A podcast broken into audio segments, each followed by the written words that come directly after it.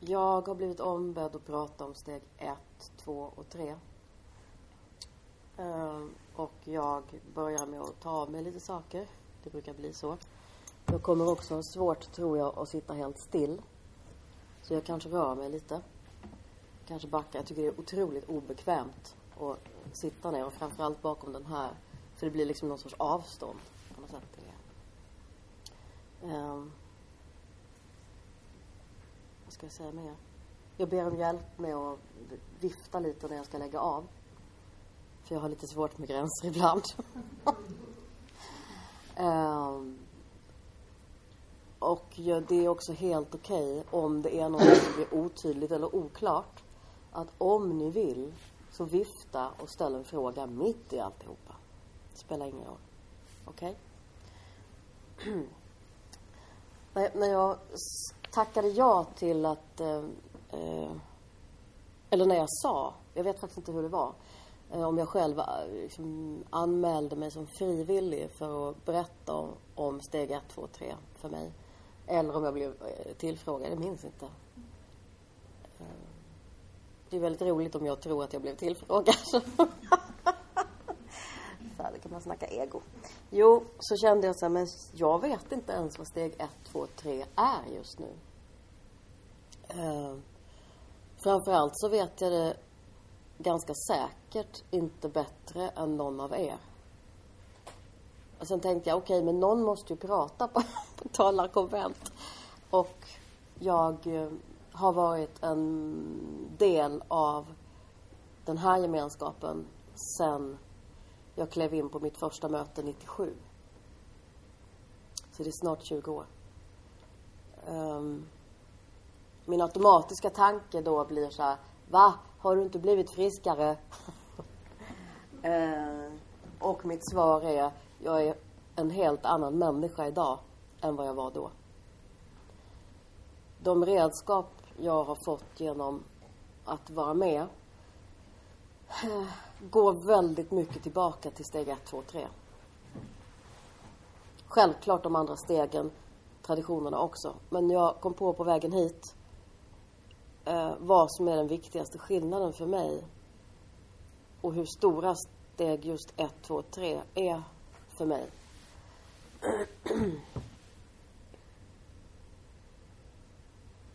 ah, vad det var obekvämt att sitta. Ja, men eh, nu gör jag det ett tag till och ser hur det känns. När jag kom in på mitt första möte, och då är det alltså nästan 20 år sedan, så var det inte så att jag klev in. Eh, jag satt på en eh, sushi-restaurang några kvarter ifrån där ACA-mötena eh, där ACA-mötena är. Också fortfarande. I den hemgrupp som jag tillhör. Eh, och var jätterädd för jag visste inte vad det var för någonting jag skulle gå till. Jag hade blivit rekommenderad att prova med ACA av en terapeut. Jag hade redan då gått i terapi i många år. Och jag var förtvivlad. Så när jag kom in på mitt första möte då kändes det som att jag kröp. Och jag var så rädd så att jag såg ingen i rummet och det tog mig flera år innan jag överhuvudtaget förstod var jag var någonstans. Jag var så rädd så det snurrade i huvudet. Jag kunde inte fokusera blicken. Jag hörde inte vad någon annan sa. Eh, och det tog mig flera år innan jag vågade tilltala någon annan. Eh, I min hemmagrupp så är det också så att man eh, går och fikar ibland. Och att följa med på fika, det fanns inte i min värld. Jag tyckte det var helt vedervärdig idé. För då skulle man ju behöva vara privat. Jag kunde ju gömma mig bakom liksom de här, åtminstone stolarna och bordet och alltihopa. Så det fanns inte. Och därför så menar jag nu att när jag kröp in på mitt första möte så hade jag i princip redan tagit steg ett i den form som jag förstod steg ett då. Jag var helt maktlös. Jag fattade att jag funkar inte. Jag behöver hjälp. Och för mig är det i grunden i steg ett. Jag var maktlös. i och över hur jag hanterade mig själv och mitt liv och jag förstod det. Vad jag däremot inte var och vad jag tänker att många med mig Nej, vad jag tänker att jag inte är är hjälplös.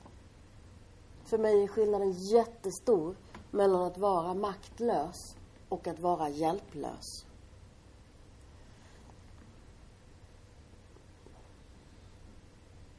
Steg ett för mig är nyckeln till att överhuvudtaget kunna få hjälp.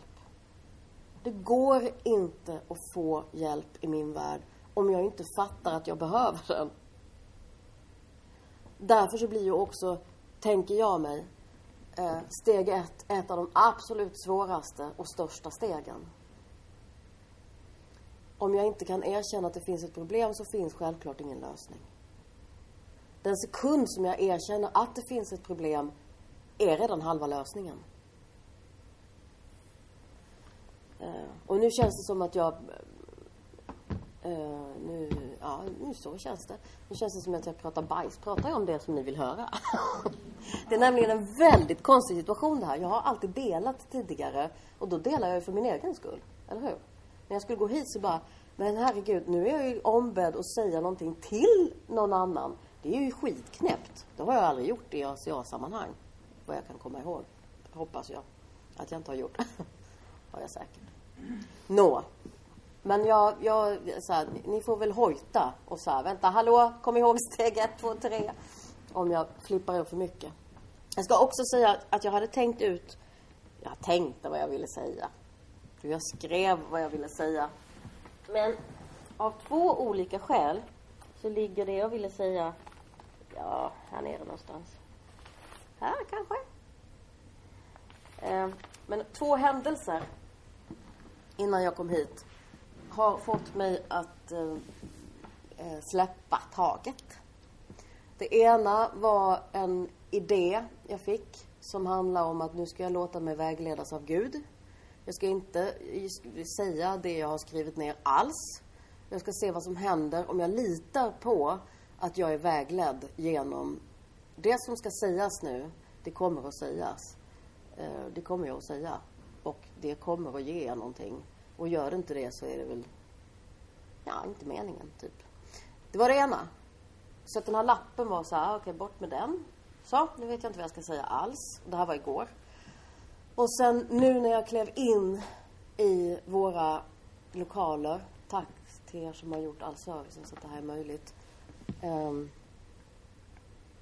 så möter jag en människa som har betytt jättemycket för mig och jag tappade helt uh, jag tappade helt Eh, jag blev nulös kan man säga. Jag fattade plötsligt, jag började sväva. Mm, nu är jag här. Det gick fort. Jag är tillbaka. Jag är med mina fötter och jag är med min eh, kropp och jag är med, med hela mig. Det har bara att göra med stegen. Det har att göra med att jag har fått lära mig att meditera. Att hämta hem, att centrera. Att lita på att vad som än händer så är det okej. Okay. Och det är för mig också, ligger i steg 1, 2, 3. För i steg 2, om jag nu erkänner att jag är maktlös, men jag är inte hjälplös. tänker jag att i steg 2 så kommer jag till tro att det finns en kraft större än jag själv som kan återge mig mitt förstånd. Och den sekund som jag bara andas in. För mig är hjälplösheten är liksom, eller eh, inte hjälplösheten, förlåt. Mm. Eh, maktlösheten är liksom Men nästa steg så får jag ny luft. Och bara det att jag drar ett andetag så kommer kraften som är större än jag själv in i mig. Så för varje andetag jag tar så får jag ny kraft. Och för varje andetag jag släpper ut så släpper jag ut hjälplöshet eller känslan av hjälplöshet. Jag släpper ut maktlösheten. Eh, och börjar då förstå att det finns en väg. Och att den vägen går genom en kraft som är större än jag själv. Länge hade jag jätte eh, stora svårigheter med begreppet Gud. Numera så kallar jag det vad som helst. Det spelar inte så stor roll. Det får gärna heta Gud också. Därför att ja, Problemet var ju att Gud redan var definierad av väldigt många olika och av väldigt många människor så var ju Gud definierad som någonting dumt, någonting som startade krig, någonting som var orsaken till en massa olika saker. Det är klart att det är jättesvårt att lägga mitt liv i händerna på det. Så var jag naturligtvis tvungen att omdefiniera vad är, vad betyder det här ordet? Ord har ju en förmåga att vara, förlåt, eh, att vara väldigt eh, fyllda av kraft, laddade, alltså att de betyder, de är betydelsebärande, så menar jag. Eh, och om betydelsen i ett ord skrämmer vissa, inkluderar andra, så blev jag automatiskt ambivalent. Jag tyckte inte om det. Jag löste det genom att säga så här, jag skiter i om det är en gud eller inte, utan jag tar det här som står. Det står faktiskt bokstavligt talat att det är en kraft större än jag. Okej, okay, så skit i Gud, så löste jag det. Det behöver inte vara, eller få vara vad det vill, men det är en kraft. Okej, vad, vad är den kraften då? Och det funderade jag jättemycket på tills jag kände att det spelar egentligen ingen roll så länge det är större än jag. Och vad är då större än jag? Och det finns ju i vår, vår eh, gamla bok, den eh, gamla röda lilla boken. Där finns det en dikt eller en, en bön eller någonting och där det står så här, allt som är större än jag vem är jag att säga att jag är störst, typ? Är ni med på vilken jag menar? Steg två i svenska tidigare boken, höll jag på att säga. Mm. Ja, just det. Tack. Tack. Uh, och där finns det ju en definition som är himlen, som är träd, som är tillväxt, som är allt med. Den tog jag till mig. Och tänkte att okej, okay, det växer, det knakar, det, det, varje år så dör allting och sen växer upp på våren igen. Alltså den själva livskraften. Allt det som får varenda människa att bara födas, andas. Grässtrået som tar sig upp. Vad är det för kraft? Och sen lägger man ihop all den kraften samtidigt. Alla människor som föds och dör. Alla människor som jobbar, alla människor som... Ja, allt vad vi nu håller på med träden som knakar sig fram, havet som svallar. Jag la ihop all den kraften och så bestämde jag att om man lägger ihop all den kraften så är den större än jag. Kanske inte annars. Mm.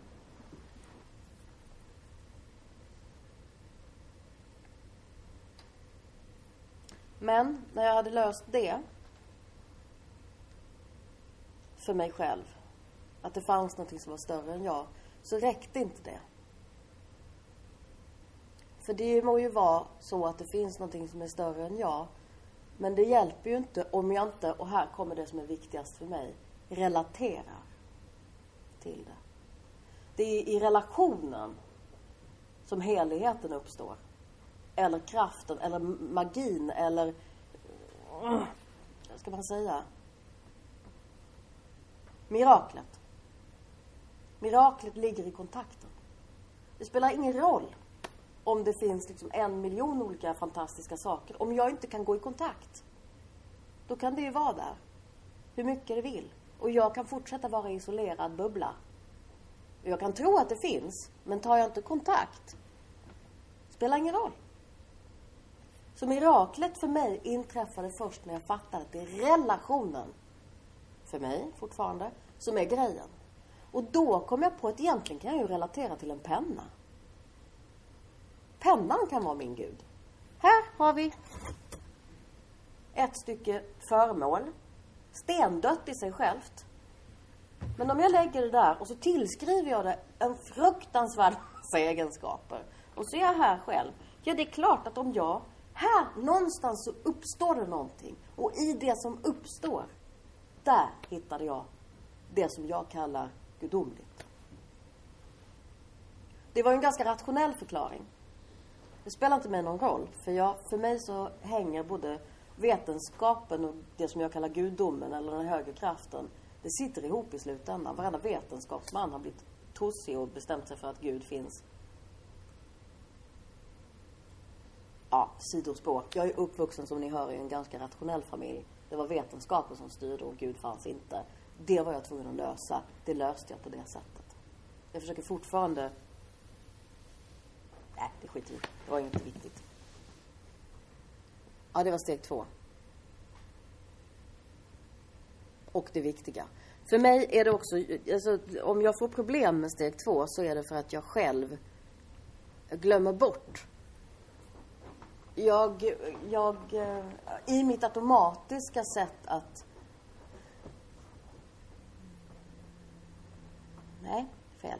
I, i mitt system så är den inlärda eh, så som jag är programmerad från början så återgår jag hela tiden säkert är det många av oss som gör det till mig själv. Och källan till alltings lösning är jag. Och det sker automatiskt. Alltså måste jag med aktiv kraft hela tiden öppna mig och öppna mig och öppna mig. Och för mig så är lösningen på det att jag isolerar mig. Det är att lägga automatiska eller hur ska man säga rutinmässiga eh,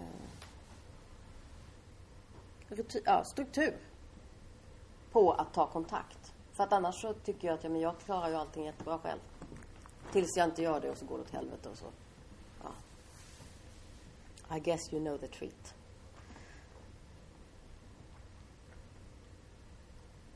Mm. Och vad var det den här högre kraften skulle återge? Vad var det jag skulle få? Länge så trodde jag att det var alla möjliga mirakelgåvor. Om jag önskade mig en, vilket jag gjorde, en grön MG från 50-talet. Så skulle det komma en pluppande på ett eller annat sätt. Eh, tills jag plötsligt insåg att det handlar ju självklart inte om det, i alla fall inte för mig. Utan jag får det jag ska. Det ser inte ut som jag trodde. Eh, men jag kan säga att alla våra löften som finns i vår eh, löfteslista har infriats och infrias fortfarande. Och jag kan inte säga exakt hur det går till. Och det ser inte ut som jag tänkte mig. Det är både mycket vackrare och mycket mera... Jag har väldigt mycket åsikter om det, kan man säga.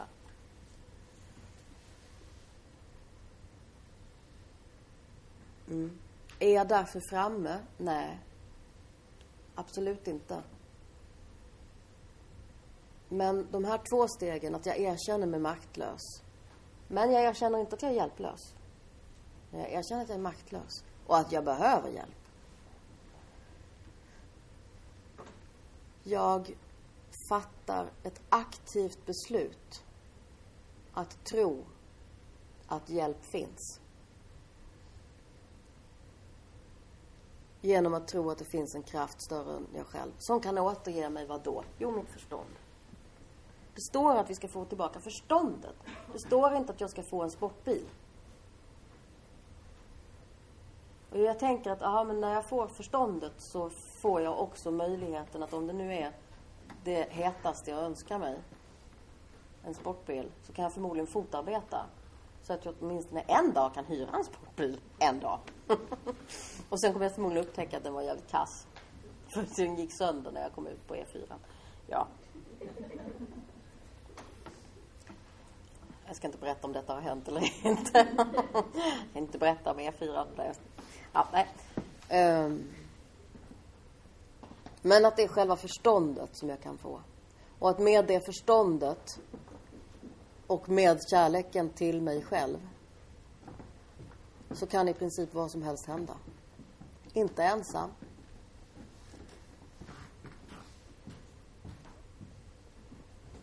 Och jag ska få tillbaka förståndet och sen så ska jag också, och det här var svårt, överlämna det jag vill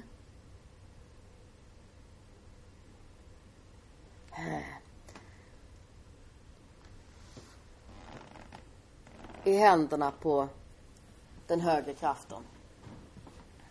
Jag ska överlämna det jag vill. Plupp. Jaha, då, eftersom jag var en människa och fortfarande är en människa som går otroligt mycket på vilja. Vad ska jag göra då? Då blev min fråga. Om jag bara ska säga plupp. Nej men jag, jag överlämnar min vilja hela tiden. Jaha, vad blir kvar? Vad ska jag göra? Det är så här, gå omkring som en så här, det var min första känsla. Att jag ska gå omkring som en så här jelly bean. Och så ska jag så här tanka in och så säga mm. Mm. Tills jag insåg att, aha. Det, alltså det finns ju en väldig, det finns en svårighet här fortfarande för mig. Så här. För hur, hur gör jag för att överlämna min vilja? Och vad är min vilja? Och vad är Guds vilja? Den har jag hållit på med jättemycket. Framför allt i de situationer när jag verkligen har velat någonting. För då är jag så här, Nej, men det här är nog Gud faktiskt. Och så jag så här, ah, men ner på knä. Och jag har bokstavligt talat lagt mig ner på knä och så här, snälla är det det här som är din vilja? Visa mig. Och sen har jag gått ut och, och sen så har jag så här, japp det var det. Ser man på, Gud ville som jag ville, det var ju mystiskt. det har lett mig in i två ganska katastrofala situationer. Och jag har tyckt så här, vad i helvete håller du på med? Du skulle ju leda mig. Och så har jag tänkt tillbaka, hur var det kring de där situationerna? Var det så att det var den där lätta, okej, okay, jag har också lagt till för att identifiera Guds kraft eller kraft, kraft, att när det är lätt så är det rätt. Båda de situationerna som ledde mig rakt in i katastrof, äh, okej, katastrof existerar inte riktigt längre. Men svårigheter som jag var tvungen att lära mig väldigt mycket av. Så kan man säga. Eh, så gick det till så att jag satt i min ände och bara så här, Det ska gå. Det ska gå. För jag vill att det ska gå. Jag kommer inte att bli lycklig om jag inte får det här. Och i den krampen så hittade jag ju ett sätt, precis som tidigare, att bara så Äh, pressa igenom min vilja. Nu var det ju så att det verkar som att den här gudskraften också har lite humor. För på ett, som resultat, det blev inte helt åt helvete alltihop, utan i det ena fallet så fick jag faktiskt en dotter på köpet. Och det är jag så tacksam. Uh, ja, det, går, det går inte ens att sätta ord på vad betyder det för mig att jag har en dotter? Jag, jag är, eller att hon finns. Att jag, ja, det är, så att bara, okej. Okay. Jag är jätteglad för det. Tack. För henne. Och i det andra fallet, när jag också så här, jo, det ska gå. Det slutade bara med att jag var fruktansvärt trött. Att jag eh, fick veta att jag har en kronisk sjukdom. Som om jag inte hade så här och pressat igenom alla de där åren så hade jag inte kommit ut på andra sidan och vetat att jag har en kronisk sjukdom. För det hade aldrig hänt att jag hade hamnat i en sån situation så att någon hade undersökt mig på det sättet. Ja, och så vidare. Vilket gör att jag nu, nu sitter här idag och vet om vad jag har för klossar att bygga med. Jag tänkte mig tidigare att det var de här olika klossarna jag hade. Det är inte så, utan det är de här. Alltså vet jag mycket bättre och mycket mer om vad jag kan bygga för sorts liv med hjälp av vad som nu finns. Vet jag nu, idag, exakt vad som är min vilja och vad som är Guds vilja? Nej. Det får jag liksom meditera på dagligen. För jag är så snabb. Och bara... Och det är inte så konstigt för det är en av mina absoluta överlevnadsstrategier. Så här, jag höll mig i, jag vill. Och det finns ju en livsvilja som är jättevacker i det. Det är klart. Som tre, fyraåring när jag inte hade något val. Och befann mig i en situation som var för jävlig. Och jag ville bara dö. Så det är klart att, att den viljan, livsviljan som fanns, den byggde på att jag själv höll fast. Och det är klart att den är lätt att ta till. Men numera när jag går i den här krampen, att jag liksom känner så att det finns ingen lösning, jag vet inte vad jag ska göra. Så har jag flera olika saker som jag gör. Och här kommer en av orsakerna. Ja, fem, tack. Uh, till att jag släppte det här som jag hade tänkt att jag skulle säga. Och det har att göra med att jag började fundera på en gång i tiden så fanns ju inte ACA, eller hur? En gång i tiden så fanns inte AA. Vi är ganska unga om man ser till världshistorien och jordklotets existens och utveckling. Jag menar, det handlar inte ens om hundra år. Och då tänkte jag så här, vad var det de som hittade på det här såg? Hur kan man hitta på någonting sånt här? Var kommer det ifrån? Och då identifierar jag tre saker som jag tycker ligger i steg ett, två och tre. Alltihopa. För det finns massor med annan hjälp att få. Massor. Det är ju inte bara ACA som existerar, eller hur? Det finns massor med hjälp. Men just ACA, det som ACA har, har jag inte hittat någon annanstans. Och vad är det? Jo, alltså alla möjliga terapiformer som jag absolut uppmuntrar och fått supermycket hjälp av. Har sina poänger. Och jag tror väldigt mycket på att ta den hjälp som behövs förutom ACA. Men det som existerar i ACA och som, inte jag, som jag inte har hittat någon annanstans och som inte går att få heller i terapi till exempel. Det är ju just precis de där sakerna som finns om man kokar ner de här stegen. Vad är det vi har? Jo, vi kliver ut och hittar andra. Det finns ett sammanhang. När jag gick i terapi och de gånger jag går i terapi så är det ju tomten jag som tomtar till terapeuten och så blablabla, och så ska jag tomta iväg med det igen. Det är min, det är liksom min, ja men det är liksom någonting som sitter i mig, eller hur? Och jag kan inte dela mer än jag kan babbla. Men det är ingen som vet, som var med mig i rummet. Men vad som händer för mig som är så stort när vi är tillsammans, var vi än är. Och jag har suttit på Frank i Frankrike på möten, fattar inte ett ord franska. Men bara det här gör att när jag är klar med mötet så är jag ändå en del av ett vi. Och framför allt eftersom vi har en tradition att försöka inkludera varandra, inte liksom stänga ute. Så när jag kommer ur det här franska mötet så är alla lika glada ändå och bara säger kram, kram om, om du vill. Kram, kram. Yeah. Och, och, och, och, plötsligt så går jag där i Paris och är inte ensam längre. Jag har inte fattat ett skit av vad de sa. Det bryter isoleringen. Ja, det finns ett sammanhang. Jag får vara med. Det är det ena. Vad finns med? Ja, det finns en vägledning kring så här, i, I mina terapier så har det inte varit så här, här börjar du och här är målet. Men i vårat program här är det så här, det är jävlar i det, ursäkta, liksom otroligt tydligt så här, gå upp C, D, det, nej, ja, nej, ett, två, tre, fyra, tolv, liksom. Gå igenom den här processen. Och samtidigt som det är så fruktansvärt tydligt så är det också helt upp till dig själv hur du uppfattar det. Så det är både styrt på ett helt genialt sätt och helt fritt. Det finns en struktur, okej? Okay? Så sammanhang, struktur och jag kan alltid ringa folk. Och jag kan ringa folk om jag håller på att kräkas. Jag har ringt och sagt att jag vill dö. Vem hade jag kunnat ringa? Så här, man ringer terapeut. Ursäkta, du har tid klockan tio. tid klockan två på natten. Här, jag kan ringa. Jag kan komma till telefonsvarare. Och vad jag gör är att jag ringer och säger eh, Får jag dela? Och jag gör det på telefonsvar. Jag dealar med folk. Jag ringer jättemycket och delar. Och jag gör det bokstavligt talat så här, hej jag helt och så håll käften i andra änden och säg ingenting om vad jag säger. Blablabla. Och sen tack. Och den andra svarar tack. Om den nu är där, annars är det telefonsvar. Men det gör att jag kan ju ta kontakt hela tiden. Det finns inte heller att få. Jag tror att det var de tre grejerna som jag insåg att, ursäkta, det är inte meningen att vara raljera, jag får bara som lust att skämta. Men Bill och Bull, de heter inte det. Bill och Tony, kanske? Bob.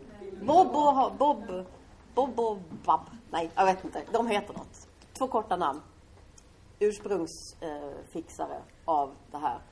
Men det betyder att de skapade, eller hur? Precis som vi nu skapar. Nu är det vi som är programmet. För nu är det vi som sitter här. Och vi kan vara hur kreativa, hur starka och hur genialiska vi vill tillsammans. Och på det att inte jag eller du eller någon så här, trycker ner varandra. För då är vi ute på en annan väg. Jag tackar för den tiden som jag har fått. Jag tror att jag är, är ute på snart sjätte minuten. Ehm, och vet inte riktigt. Jag hoppas att det gav någonting och gjorde det inte det så ta inte till det. och gav det någonting så hoppas jag att... Eh, Hej, jag har glömt en sak som är jätteviktig. Har jag tid med det? Jättegott. Så här. Jag, bara skulle, jag kom på att jag kunde göra en demonstration av hur det var för mig. Och, och vi leker nu att jag hänger i den där. där. Jag hoppas att det skulle finnas en sån någonting att hänga i. Ja, men där är jag. Don't have to look for it så. Så var för mig programmet och steg ett var att jag krampade. Jag höll fast i någonting. Och så tänkte jag, kan inte överlämna min vilja för det kommer inte ta emot mig. Det är för fan en ravin här nedanför. Jag var helt övertygad. Jag kan inte släppa taget. För bilden av den ravinen var så jävla stark. Och sen när jag väl släppte taget och överlämnade mig så visade det sig att det var en sån här bit att falla. Och jag bara, mm. Blup. Vad fan har jag gjort i alla dessa år? Tack. Tack här.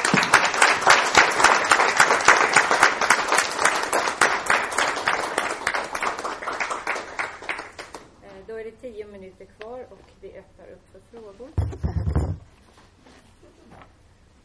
Tro inte att jag ska svara bara. jo, skojar. Hej. Ja. Um, kan du tänka dig utveckla frågan? Alltså menar du vad det är eller hur jag ser på det eller? Ja, alltså har pratat om steg ett, två, tre. Hur ja. de kan kännas och upplevas. Ja. Eh, och för mig att göra steg utan en sponsor, det är liksom. Så jag tänkte att sponsorskap är väldigt viktigt. Absolut. Både att få och att få ge. Mm. Och att det är en stor grundsten vi har i programmet som ett verktyg som inte finns någon annanstans. Mm, sant. Mm. Tack. Tack för påminnelsen. Uh, ja, om vi gör så här, vi bara copy-pastar vad du sa för jag håller helt med.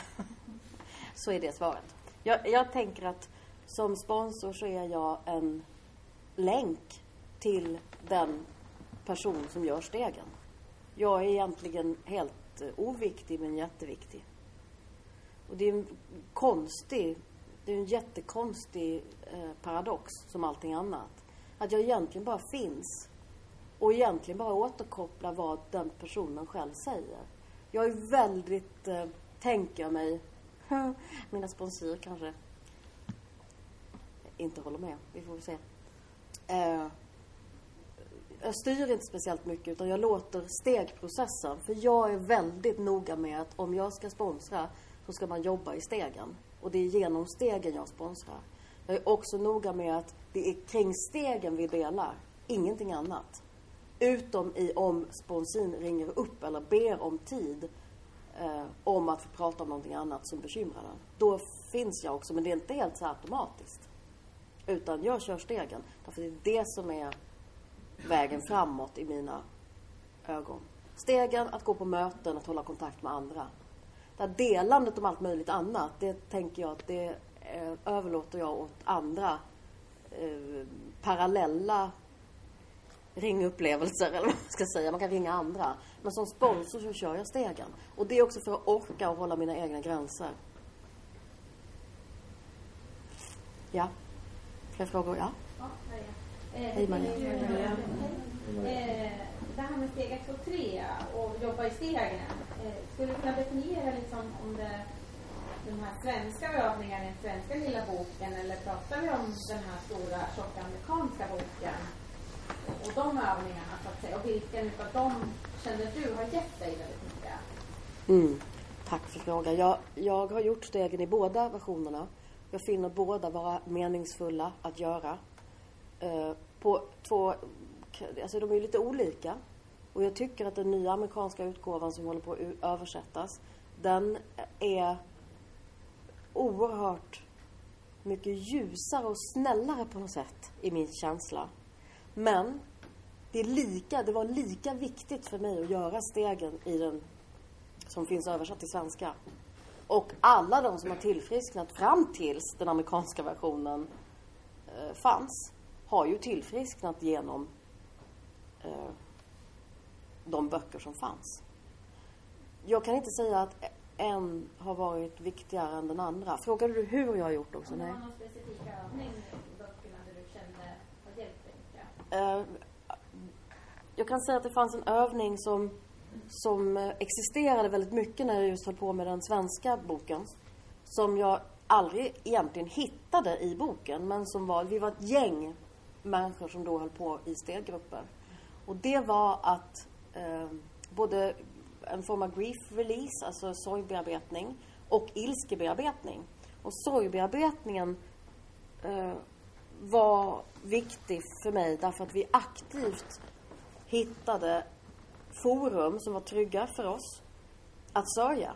Och att det gick ut på att faktiskt gråta, fast gråta lite mer organiserat än bara alltså så här förtvivlan gråta. Som bara återupprepar eh, övergivenheten för mig. Eh, utan att försöka hitta ett sätt att gråta som är så här, nu gråter jag i 20 minuter. Jag hade en period där jag, där jag, eh, jag behövde ett litet utrymme så jag stängde in mig i min garderob. Och dit in släpade jag nallar och allt möjligt som kunde göra mig liten. Liksom. Trångt, litet utrymme, nallar. Och sen satte jag en timer utanför på 20 minuter. Och sen försökte jag, jag tror att garderoben hade också att göra med att jag ville inte att grannarna skulle tro att jag höll på att dö där inne i lägenheten eller något. Men så garderoben var lite, lite ljuddämpande också. In i garderoben, stäng dörren och sen grät jag som en gris och försökte hitta olika händelser och gråta på. Och gråta ur mig det. Och sen så när klockan pep, pip, pip, pip. Det har gått 20 minuter så bara, okej. Okay. På med vatten och sen ringa ut. Så att jag inte stannade i min lilla känsla. Är du med? Ja.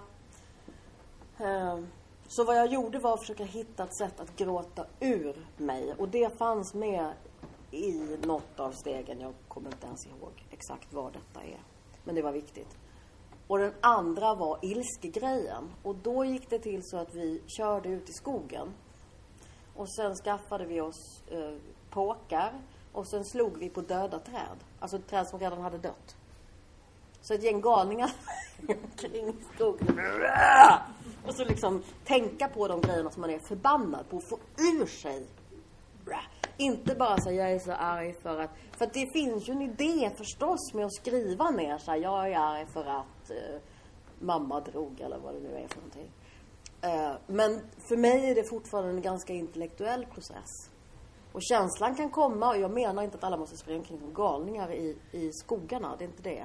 Men jag tror att det är en bra idé att på något sätt aktivt fokusera på händelse för händelse.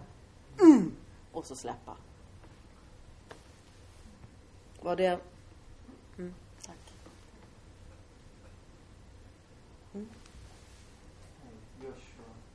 Hej Joshua. Jag är väldigt ny i programmet, men jag bara undrar om du kunde snabbt förklara lite på skillnaden eh, innan du gjorde stegen och efter. Mm. Tack för frågan. Det som spontana svaret som kommer är all. Det är all skillnad. För att för mig så är eh, de tolv stegen, det är som en eh, som ett räcke att hålla mig i genom en förändringsprocess. Och den förändringsprocessen skulle jag inte klara av att göra utan stegen. Och jag kan säga att det tog mig väldigt lång tid innan jag började göra stegen. Ehm, jag hade säkert varit med i fem år. Jag trodde jag skulle, jag trodde det skulle bli, och jag hade säkert kunnat bli också, eh, fått en psykos. Jag vågade inte. Och jag tror att det var klokt. Då tyckte jag så här, "Oj, dålig jag är som inte gör stegen. Nej, jag tror inte det. Jag tror att när jag är redo så kommer stegen till mig om jag ber om det. Eh, och jag... Men jag känner att den förändringsprocessen, utan att ha gått igenom stegen, och nu har jag gjort det kanske fem gånger, så hade jag inte varit den jag är idag. Och jag hade definitivt inte suttit här. Jag hade stannat i så här, jag har ingenting att säga, jag vet inte. Eller varför ska jag? Alltså. Och nu fick jag ju svaret så här, ja varför inte? Alltså när jag tänkte så här, varför ska just jag prata? Ja, varför inte? Var det svar på frågan? Eh, Det är dags för avslutning av mötet. Får jag fråga? Eh, Vi hinner tyvärr inte det. Men däremot så, är, så kommer jag inte att dö när, jag, när mötet är slut. Så om du vill så får du gärna ställa frågan efteråt. Och är det så att alla vill så kan vi ju stanna och så frågar vi ändå. Tack. Tack. Eh, Då tackar vi Blanka.